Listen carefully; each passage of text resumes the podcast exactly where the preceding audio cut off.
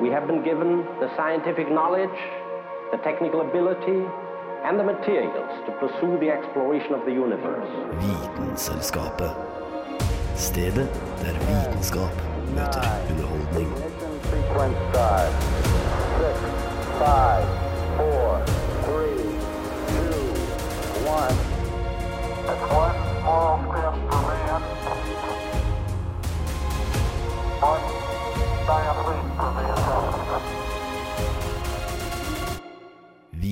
Vitenselskapet. På Radio Nova. Splitte mine bramseil. Er det landkrabber jeg speider i horisonten? Nei da, her er Vitenselskapet klare til dyst på den store sjøen. I dag så skal oss ta på oss pirathatten og prate om alt som har med pirater å gjøre. Vi skal prate om papegøyer, vi skal prate om nedgravde skatter, vi skal prate om skip. Ja, nevn det, og det kommer til å bli tiup. Og med meg til det så har jeg to gode piratkollegaer, nemlig Kristin Grydland Hei, hei. Eller arr. Nice. og Kristoffer Ramage. Hei, hei. Få høre Eller- en piratlyd. Har. Ah, Du hadde blitt kasta av skipet med en gang. Nei, Det er nei, nei. planken for deg, min venn. Jeg hadde, vært, jeg hadde vært kapteinen, så hadde det gått fint. Nå skal vi eh, kjøle, kjølhale Kristoffer litt, og så skal vi se om vi får litt mer eh, liv i han. Du hører på Vitenselskapet. Tirsdager klokken 10 til halv 11 på Radio Nova.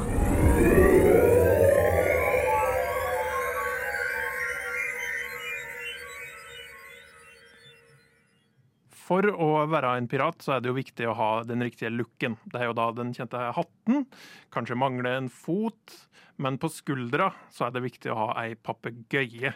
Helt obligatorisk, vil jeg si. Eh, Hvem er en pirat uten en papegøye? Helt enig. Og papegøyer er jo ganske spennende dyr. Det som kanskje er mest spennende med dem, bortsett fra at de ser veldig fine ut, det er mange fine farger og sånt, men det som folk flest kanskje forbinder med papegøyer, vil jeg jo si er at de kan jo prate. Eller vil si, prate. Ja, de kan etterligne. Det er et veldig godt eksempel du tok frem der, eh, Karl. For eh, papegøyer, de kan jo etterligne oss mennesker. Og da har jeg prøvd å finne ut eh, hva er det som gjør at de hermer etter oss. Og det er jo sånn at når eh, den papegøyen er liten, nettopp kommet ut av egget, så vet den ikke hvordan familien dens snakker. Så det er noe som den må lære seg, akkurat som vi må lære språk når vi er små babyer. Eh, Så de små fuglene, de prøver å herme etter eh, familien sin, da. Eh, Og ute i naturen så hermer de jo etter andre fugler, men de har jo gjerne de dialektene til de fuglene i det området. Så hvis du er en hel flokk med fugler, så snakker du da likt som dem, eh, for å vise at du tilhører den familien, da. Dette her er deres territorie. Men en fugl som da sitter på skulderen på et skip langt til havs, eller et bur, da, som eh, mange fugler gjør eh, her hjemme, kanskje litt flere av dem, de har jo ikke den der fugleflokken som flyr rundt i skogen. Så de har bare oss mennesker. Bare.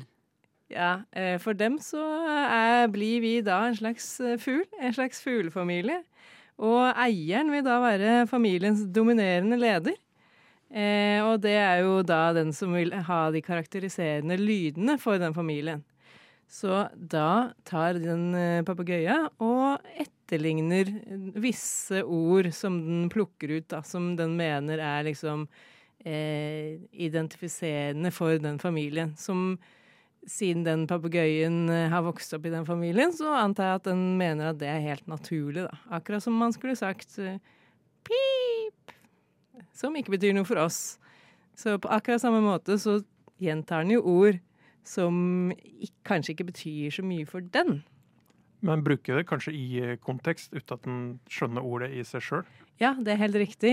Papegøyene er veldig flinke til å skjønne kontekst, og det er derfor man ofte eh, kan bli litt lurt, da. Eh, når du kommer inn i et rom, så, rop, så sier den 'hallo'. Men det er jo fordi at når du kommer inn i et rom og hilser på papegøyen, så sier du 'hallo'. Og så har den skjønt at 'hallo' betyr at noen kommer inn i stua. Eller om bord på båten, da. Hvis vi skal Eller fremdeles Vi er jo på et skip. eh, så den er jo mer opptatt av kontekst og ikke betydning. Men det, den kan også trenes opp til å forstå eh, ulike ting. For eksempel kan de forstå eh, særlig mat. da. Dette er et eple, dette er banan. Eh, denne er grønn, denne er gul. Eh, men da må du gå aktivt inn for å trene den og vise, hvis du holder fram en bit med eple, at man sier eple hver gang, sånn at den skjønner at hvis den sier ordet eple, eller hvis du sier ordet eple, så vil frukten være der. Eh, og da skjønner den jo at det, at det er knytta til det eplet, da. Men ellers så er det bare en frase som den sier, eh, uten at den legger noe særlig i det. At den bare tror at hallo er eh, det man sier når et menneske kommer. Og det er fordi at eh, mye fuglekvitter, da, er jo laga slik at eh, Eller det er jo språket deres som skal varsle dem om at noe skjer. Og derfor så er de ofte glad i ord som eh, kommer når noe skjer, da. Det er jo ganske mange fugler som kanskje er litt glad i å banne. Eh, det er jo en kjent greie. Kraftuttrykk er en viktig del av livet på sjøen. De elsker kraftuttrykk. De blir veldig fort stygge i kjeften. Og det er jo fordi at det gjerne kommer med en litt sånn eh, Det skjer noe, da, og så kommer det noen sånne ord. Og det, det liker de tydeligvis eh, veldig godt.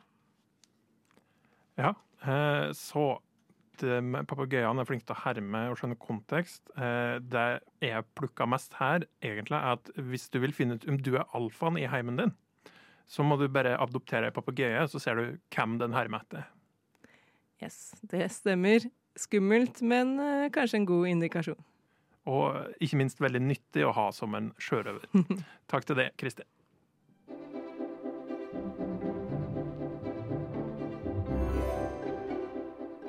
Ja, du hører helt riktig. Du hører på Vitenselskapet på Radio Nova.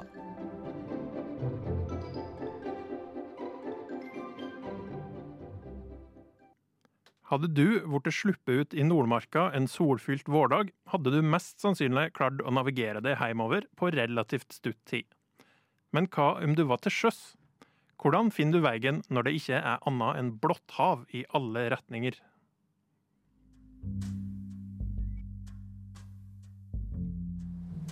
Havet har vært en av de mest brukte reiseveiene for oss mennesker i tusenvis av år nå. Men skal du reise langt, må du nesten vite hvordan du kommer deg fram i det hele tatt. I dag kan man så klart bruke en rekke moderne teknologi på samme måte som når du skal navigere deg fram på land, altså i form av satellitter. Men denne teknologien er ikke noe vi alltid har hatt tilgang til. Før i tiden måtte man ty til litt andre hjelpemidler.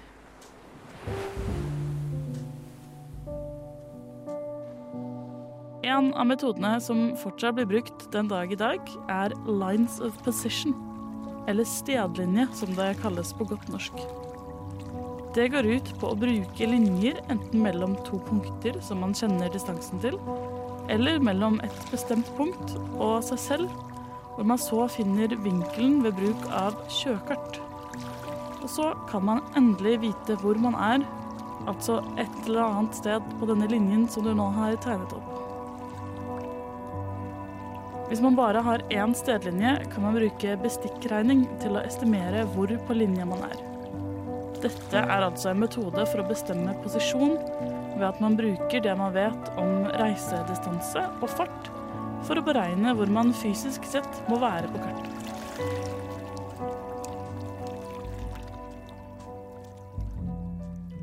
For å kunne bruke stedlinjer må man ha noen referansepunkter. Det er klart det hjelper å ha med seg kompass, men det holder ikke alene. Du har kanskje hørt om at stjernebilder blir brukt til å navigere med? Dette fungerer spesielt godt hvis man har med seg en klokke og noterer ned tiden det tar for spesifikke himmelobjekter å bevege seg over en målt vinkel. I tillegg til dette må man også ha med seg en kjekk liten almanakk over posisjonene til en rekke himmellegemer som man kan referere til og sammenligne med utregningene sine. Dessverre er ikke alltid denne metoden veldig presis. Man kommer heller frem til et omtrentlig område man må være i, enn en spesifikk posisjon. Da er det kanskje for det beste at vi nå har mer moderne og presise metoder, som f.eks. passer på at eh, danskebåten er i rute.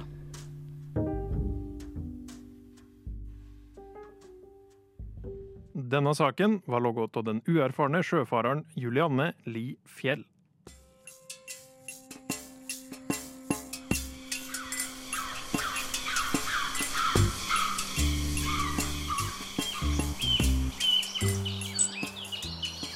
Du hører på Vitenselskapet på Radio Nova.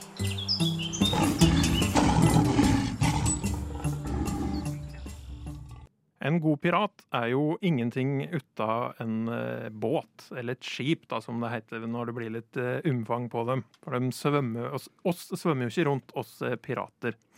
Å bygge disse skipene, det er jo eh, litt av en kunst, Kristoffer. Ja.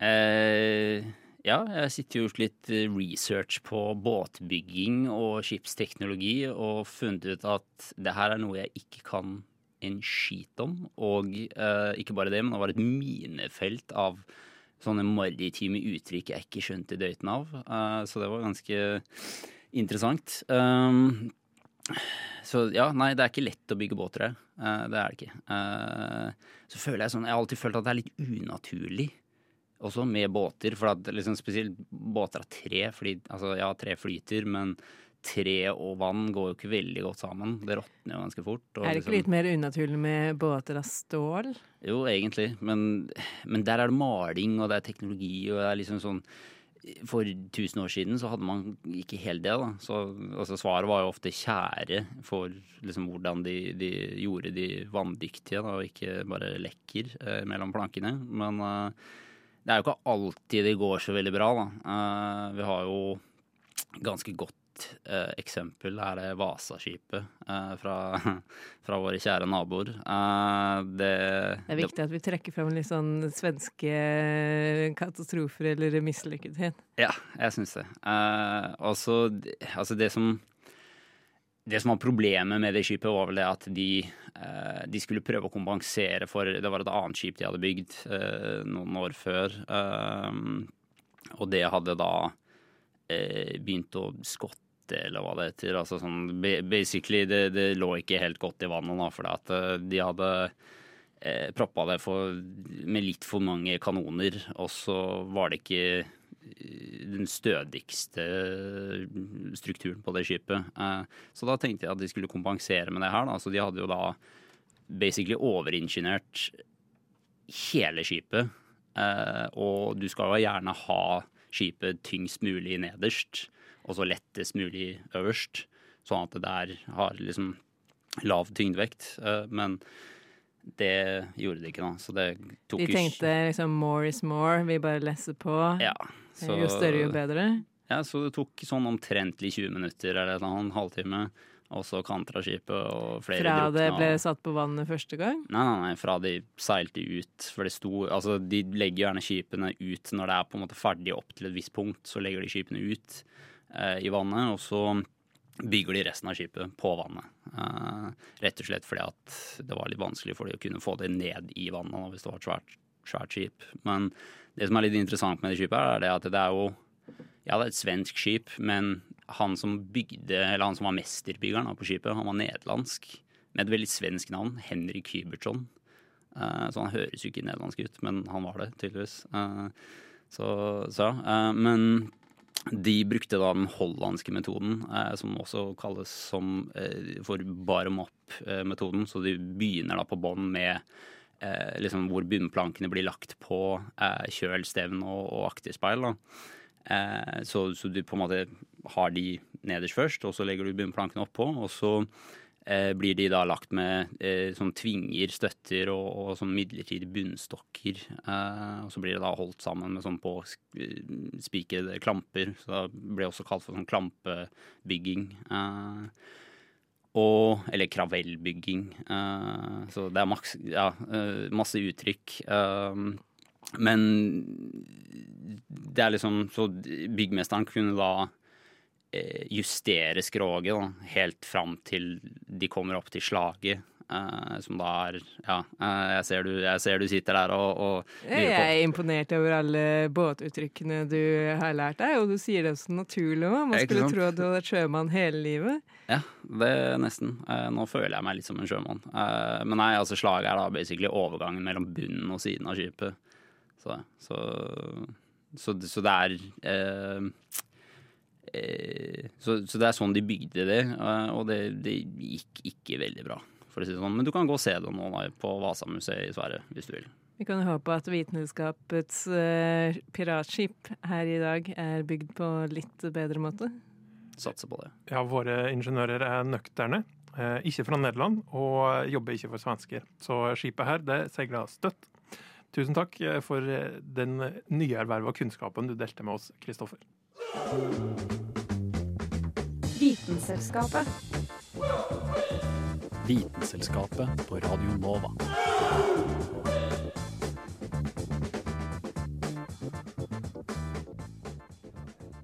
Nå skal vi høre en stutt snutt om to brødre. Jesper og Kasper skal prøve den nye metalldetektoren deres. Kasper, hva tenker du om å stikke ned på stranden med meg og sjekke om vi finner noen kule ting? Jeg har nettopp fått meg ny metalldetektor. Hva er en metalldetektor? Ok, så det er et slags instrument man kan bruke for å oppdage metall. Både på bakken, under bakken og under vann, hvis det trengs. Det ligner nesten på et sånn langt håndtak til en støvsuger. Helt opp hvor du holder, og helt ned hvor støv suges inn. En metalldetektor ser litt annerledes ut. Hvis du ser øverst på den, så ser du en slags boks. Det er type kontrollsenteret. Det er ca. der du holder, det er der du skrur den på. Så går det en lang stang ned, og nederst på den stangen så ser du en skive som ligner litt på en frisbee, egentlig. Og det er den, det er den skiven der du så vidt holder over bakken. Og inni den skiven, eller den som ligner på en frisbee, finner vi en kobbertråd. Men hvordan fungerer den metalldetektoren? Ok, Vi skal prøve etterpå. Men det som kommer til å skje når vi går rundt, er at denne metalldetektoren sender ut et signal ned i bakken.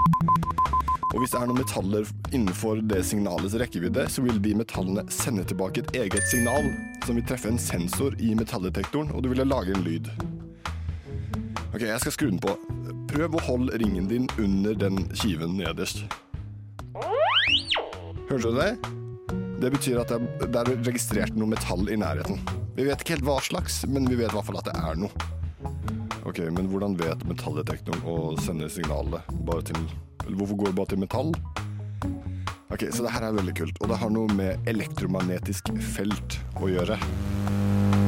Det du trenger å vite, er at et slikt felt oppstår når det går strøm gjennom en ledning. Husker du at jeg sa det var en kobbertråd nederst inni den frisbeen?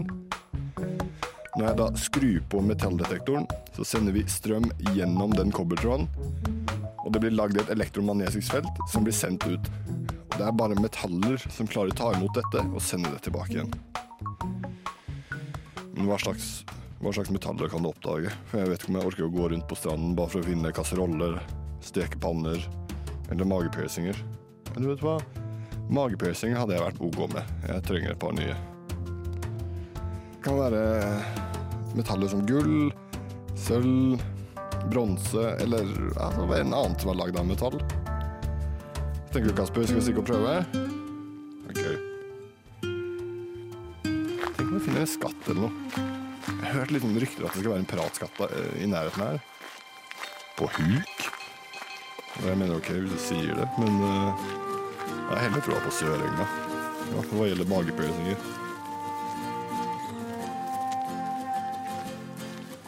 Ok, la oss sitte rundt her. To timer senere. Kasper, vi fant! Kasper, Kasper! Det er masse gull! Det er dubloner! Vi er rike! Kasper!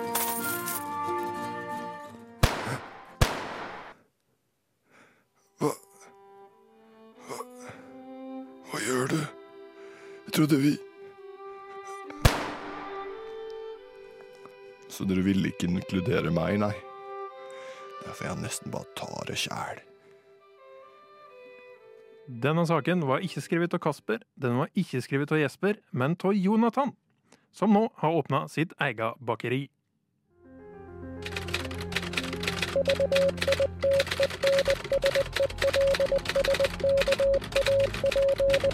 Just want to tell you both good luck. We're all counting on you. И пусть посмеются над своими страстями. Ведь то, что они называют страстью, на самом деле не душевное, Vitenselskapet а лишь трение между душой и внешним миром. knekker vitenskapens koder.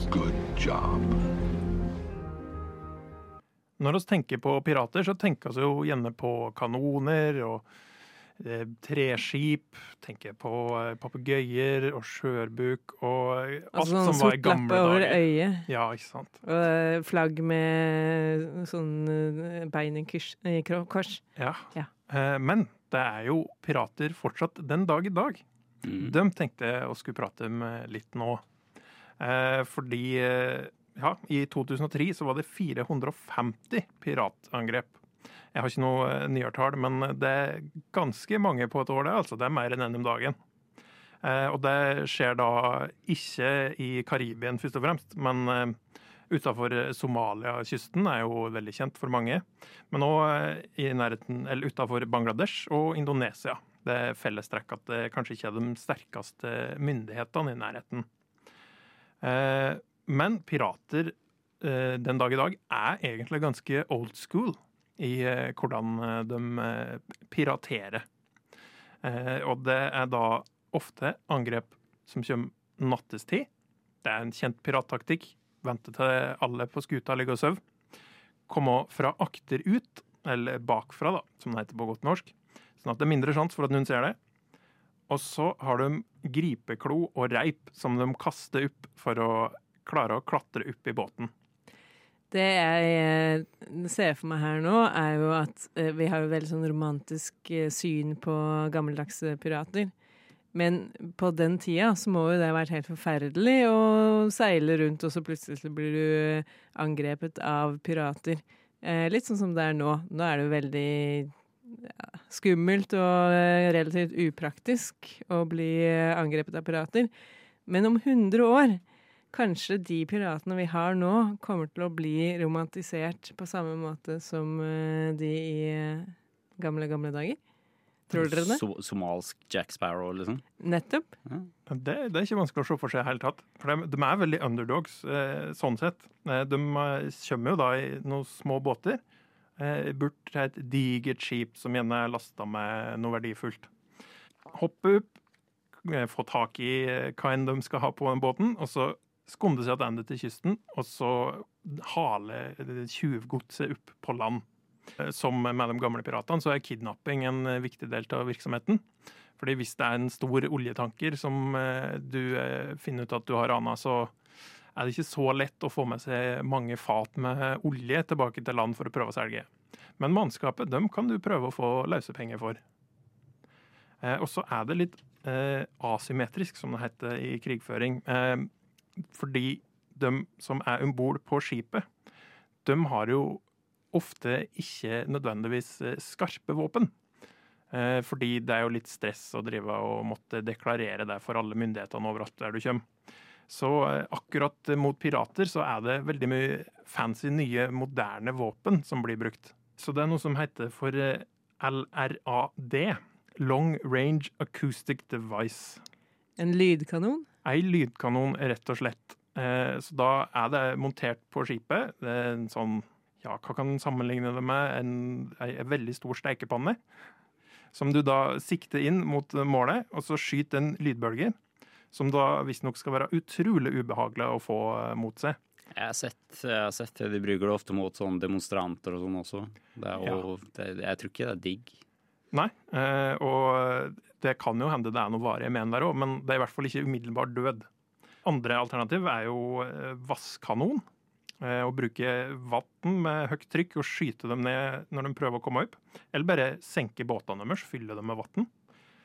Eller sette opp et strømgjerde rundt eh, båten, som om det var kveg du prøvde å helle unna. Så det moderne pirater de får virkelig kjørt seg, altså. Ja, det er ikke akkurat Pirates of the Caribbean, men eh, Men det kunne blitt enda flere spennende filmer enn dem som allerede fins.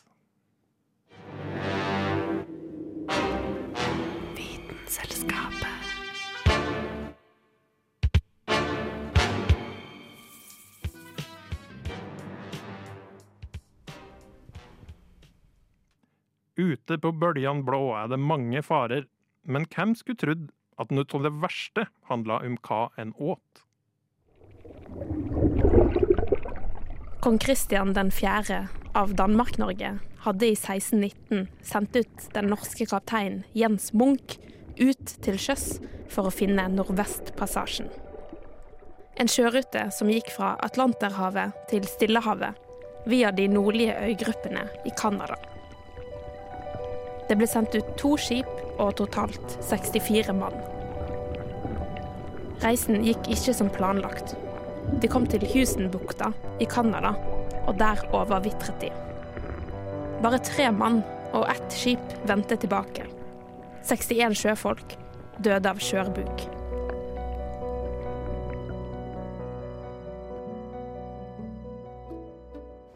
Man skulle kanskje tro at det var verre ting enn dårlig kosthold som var farlig med lange sjøreiser.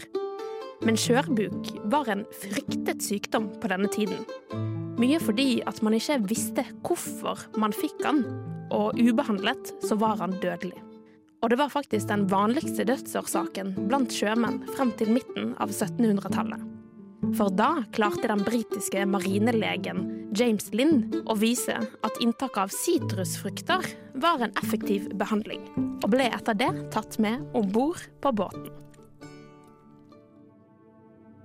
Skjørbuk er en sykdom forårsaket av C-vitaminmangel. Med denne sykdommen føler man seg trøtt og uopplagt til å begynne med, men etter hvert får man smerter i ledd og muskler. Tannkjøttet begynner å blø, og man mister tenner. Sårheling går langsommere, og kun lette trykk mot huden kan gi blåmerker. Døden inntreffer pga. store blødninger i hjernen eller hjertet. Grunnen for alle disse grufulle symptomene er fordi at C-vitamin er med på å lage et bindevevsprotein kalt kollagen, som enkelt forklart holder vevene dine sammen. Det var ikke bare sjøfolk som slet med denne sykdommen. Før i tiden var den norske folkehelsen ganske dårlig. Og det var mange folk, særlig de som bodde på bygdene, som slet med skjørbuk. På denne tiden var kosten hovedsakelig basert på tørket, saltet, røkt og kokt mat. Og det å spise fersk fisk var også betraktet som noe naturstridig. Man vet i dag at C-vitamin ikke tåler oppvarming så godt. Så husholdningen på denne tiden var heller ikke så flink til å verken utnytte eller bevare det. Men på 1800-tallet var det en liten rakker av en rotfrukt som man kan si reddet Norge, nemlig poteten. Poteter ble den viktigste kilden til C-vitamin for oss nordmenn, og vi har vel siden da elsket poteter.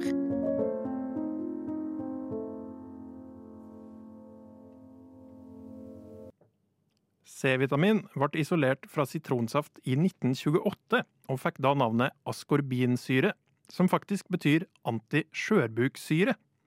Det sier noe om hvor alvorlig denne sykdommen faktisk var.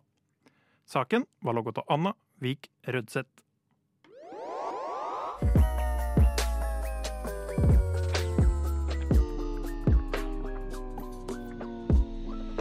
Vitenselskapet. Og der tror jeg jeg glimter land i horisonten, så da må oss på SS Vitenselskapet gjøres klare for, å, for landgang. Men oss har jo eh, piratert godt denne halvtimen. Jeg håper du som hører på har lært noe.